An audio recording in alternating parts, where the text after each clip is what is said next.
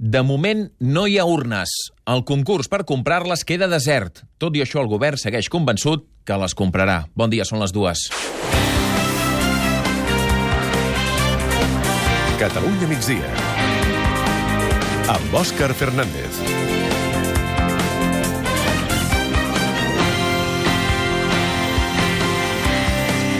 El govern, doncs, ha declarat desert el concurs per la compra d'urnes perquè les dues empreses que s'hi havien presentat no han completat el procés d'homologació. Tot i això, el govern manté que trobaran una via alternativa per poder tenir les 8.000 urnes a punt pel referèndum del dia 1 d'octubre. N'està parlant encara a hores d'ara la portaveu del govern, Neus Munté, Palau de la Generalitat. Carme Clèries, bon dia. Hola, bon dia. Neus Munté atribueix a qüestions tècniques que aquest eh, concurs hagi quedat desert. S'han seguit tots els passos legalment establerts i si aquesta homologació no ha reixit és per una qüestió relacionada amb la solvència de tota manera, el govern manté intacte, diu, l'objectiu de comprar les urnes pel referèndum. Des de Madrid, la vicepresidenta espanyola Soraya Sáenz de Santa Maria s'ha mostrat convençuda que la querella a la consellera Borràs ha estat clau per acabar amb aquesta declaració del concurs per comprar les urnes com a desert.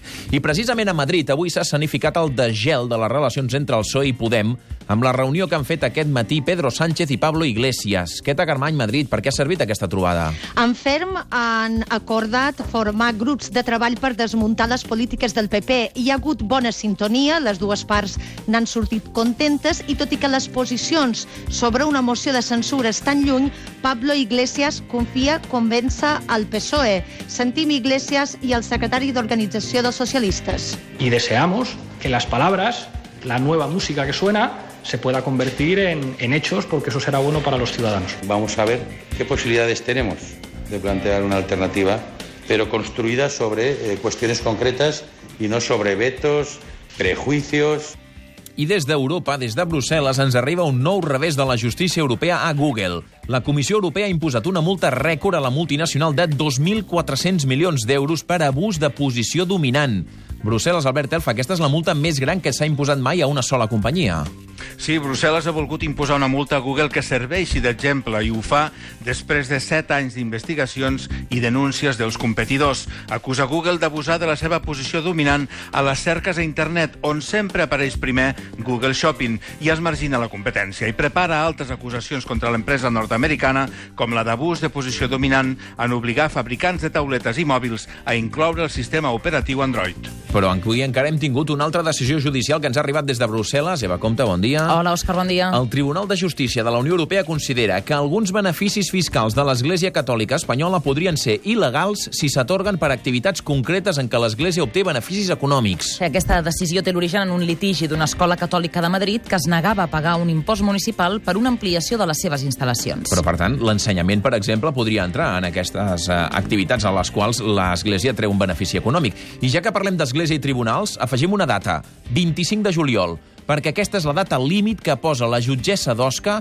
perquè la Generalitat retorni a Sixena les 44 obres que reclamen del Museu de Lleida. Anem cap allà, per a Joan Álvarez no tenim a punt Hola, aquesta. sí. Ara, ara, Nou capítol, ara. dèiem, pel litigi de les obres d'art de Sixena, que són a Catalunya. Ara la jutge d'Osca insta el govern català a informar abans del 25 de juliol com pensa dur a terme el trasllat de les 44 peces que hi ha al Museu de Lleida.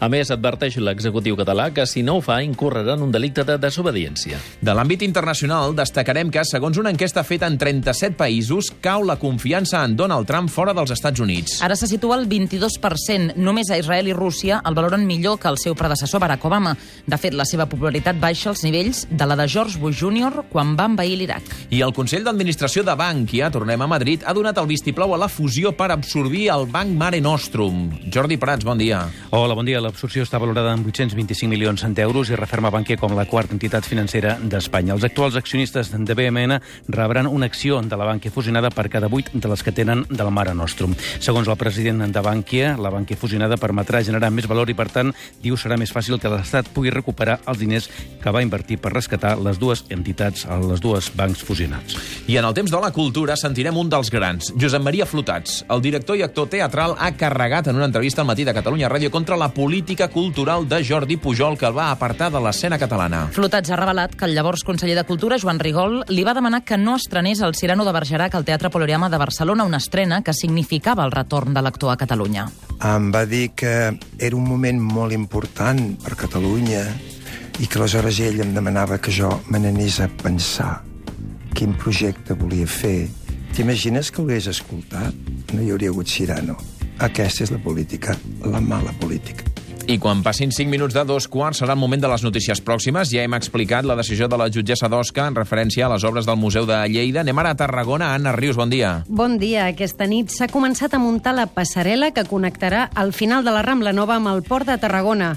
Unir la platja i el centre és un projecte llargament reclamat per la ciutat. Es preveu que la passarel·la sigui una realitat al desembre. Anem ara a Girona, Mar Vidal. Narcís Verdalet, el forense que va embalsamar el cadàver de Dalí, diu que primer s'hauria de fer la prova de paternitat a l'home que va ser reconegut com a pare de Pilar Abel, la dona que reclama la filla del pintor. Ho ha dit al matí de Catalunya Ràdio. Verdalet ha deixat d'entendre que, tot i el recurs de la Fundació, l'exhumació sembla que s'acabarà fent. I acabem a Barcelona, Joan Garcia.